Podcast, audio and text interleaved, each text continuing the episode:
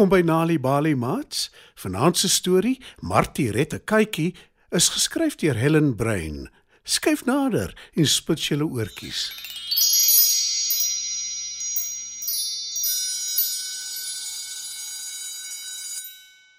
Kom sit almal hier voor my op die mat. Sê juffrou Viljoen vir haar graad 1 klas toe die skoolklok lui. Ek het iets baie belangrik om julle te vertel. Voeg sy by. Al die leerdlinge draf nader en gaan sit.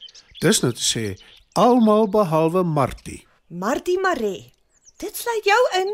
Jy is al weer besig om te droom soos gewoonlik. Raas juffrou Viljoen. Jammer, juffrou. Sê Martie en sy draf ook nader. Martie weet haar juffrou is reg. Sy droom baie keer en dan hoor sy nie wat groot mense vir haar sê nie. Toe almal rustig voor op die mat sit, hou juffrou Viljoen 'n stuk papier in die lug op en sy sê: Ons skool maak geld bymekaar vir 'n biblioteek. En soos julle weet, is dit iets waarby julle almal kan baat vind. Dis hoekom ek nou vir elkeen van julle so 'n vorm gaan gee. Dis vir 'n pretloop wat ons gaan hou.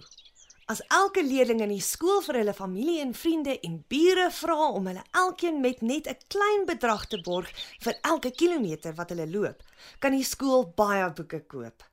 En ek is seker dis iets wat almal van julle wil hê. Ons verwag van elke kind om ten minste R200 in te samel. Toe begin juffrou Viljoen die vorms uitdeel terwyl sy waarsku. Pas die vorms mooi op, want as jy dit verloor, sal jy die geld uit jou eie sak moet betaal. Die skoolklok lui om die einde van die skooldag aan te kondig. Al die leerdlinge gesels opgewonde onder mekaar.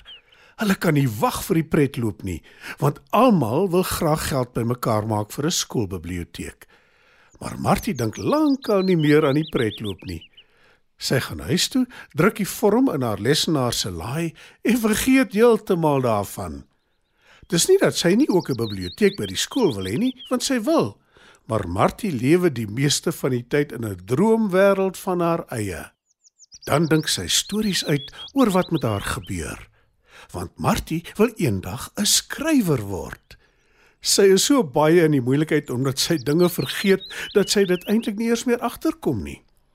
Maar toe breek die dag aan wat al die leerdlinge hulle vorms moet ingee. En dis al waaroor hulle die vorige dag praat. Martie weet nie wat sy gaan doen nie. Haar vorm is leeg en Juffrou Viljoen het duidelik gesê as hulle niks geld insamel nie, moet hulle self die R200 betaal. Sy het nie soveel geld nie en sy weet as sy haar mamma vra daarvoor, is daar groot moeilikheid. Martie dink vinnig. Sy gaan gou voor skool hulle bure vra of hulle haar sal borg. Sy soek die vorm in haar laai. Toe draf sy af in hulle straat daarmee na al hulle bure toe. Sy mag eintlik nie alleen op straat wees nie. Mamma laat dit nie toe nie, maar almal in die straat ken haar en sy kan vinnig by enige een se erf inglip as iemand haar dalk pla. En net op die hoek is die busstop. 'n Hele paar kinders wag al daar vir die bus. Die eerste huis langs hulle behoort aan meneer Paulse. Hy's 'n baie gawe man en het onlangs ingetrek. Niemand ken hom eintlik nie. En Martie het hom nog net skrims gesien. Miskien moet ek hom liewer oorslaan. Dink Martie. Maar toe sy voor meneer Paulse se huis staan, hoor sy iets. Sy kyk rond en aan die boom op die sypaadjie sit daar 'n klein kykie wat benoud mel. Sit jy vas in die boom, katjie?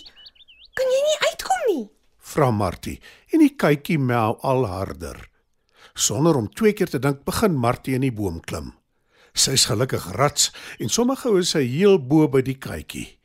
Sy sien die diertjie se nekband het aan 'n tak vasgehak. Sy maak dit los en bind die kykie toe in haar trui. Toe klim sy weer vinnig uit die boom. Die vorm vir die pretloop het intussen uit haar sak geval en waai in die straat af. Maar Martie dink nou net aan die kykie. Sy beskou die diertjie en sê: "Wie se katjie is jy? Iemand moet baie lief wees vir jou, want jy is goed versorg en jou halsband is pragtig." Martie sien hoe die bus sonder haar vertrek en wonder wat haar nou te doen staan. En net toe hou een van die bure, wat ook 'n vriendin is van mamma, langs haar stil. Sy wil weet wat aangaan en Martie vertel haar. Toe stel die buurvrou voor dat Martie die katjie na die veearts toe vat. Sy spreekkamer is langs die skool.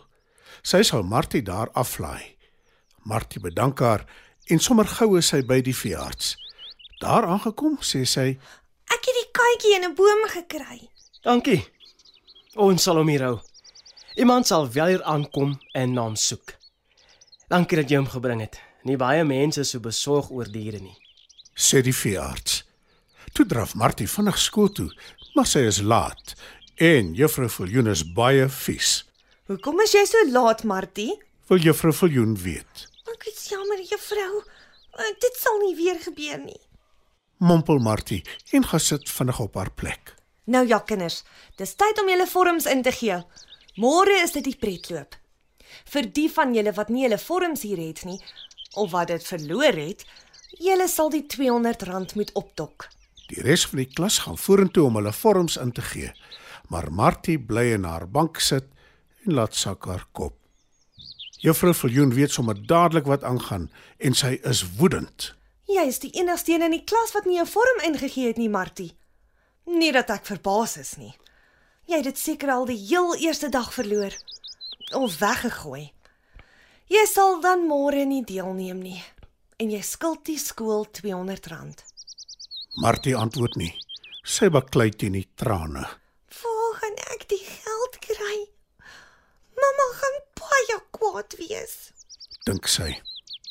Al die kinders gaan nou saal toe want die hoof wil met hulle praat oor die volgende dag se pretloop. Martie gaan maar saam, al gaan sy nie deelneem nie. In die saal kondig die hoof aan: Baie dankie vir julle almal se samewerking, kinders.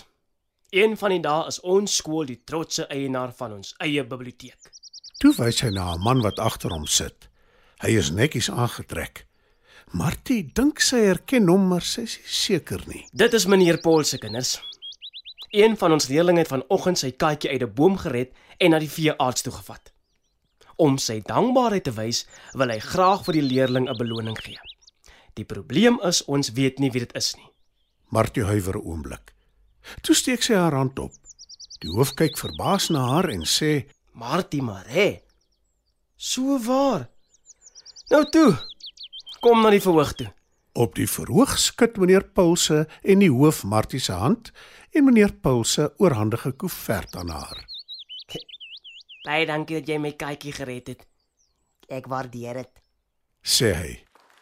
Almal klap hande en Martie maak die koevert oop. Daar is R300 daarin. Sy is skoon lam van blydskap, want nou kan sy die skool betaal vir die vorm wat sy van vergeet het en toe verloor het. En sy het nog R100 oor vir haarself. Sy besluit daar en dan om haar mamma uit te vat vir 'n heerlike roomhuis met die geld. Dit was dan nog 'n Nali Bali storie. Martie red 'n kykie is geskryf deur Helen Brein. Die storie is aangebied deur die Nali Bali leesvergenotveldtog in samewerking met SABC Education. Hoe was jou dag, mevrou? Lekker, dankie. Ek en my seun het 'n groep vrywilligers ontmoet wat ons touwys gemaak het hoe om 'n boekklub te begin en te bestuur. Alles aanlyn natuurlik. Wonderlik. Was dit Nali Bali? Dit kos mos niks om hulle webwerf te besoek en hulle Mobi stories af te laai nie. Inderdaad. Word 'n gekwalifiseerde Nali Bali geletterdheidsvrywilliger en leer hoe om 'n boekklub te stig deur middel van Nali Bali se gratis opleidingskursusse. Kry jou sertifikaat by www.nalibali.mobi. Nali Bali. Dit begin met 'n storie.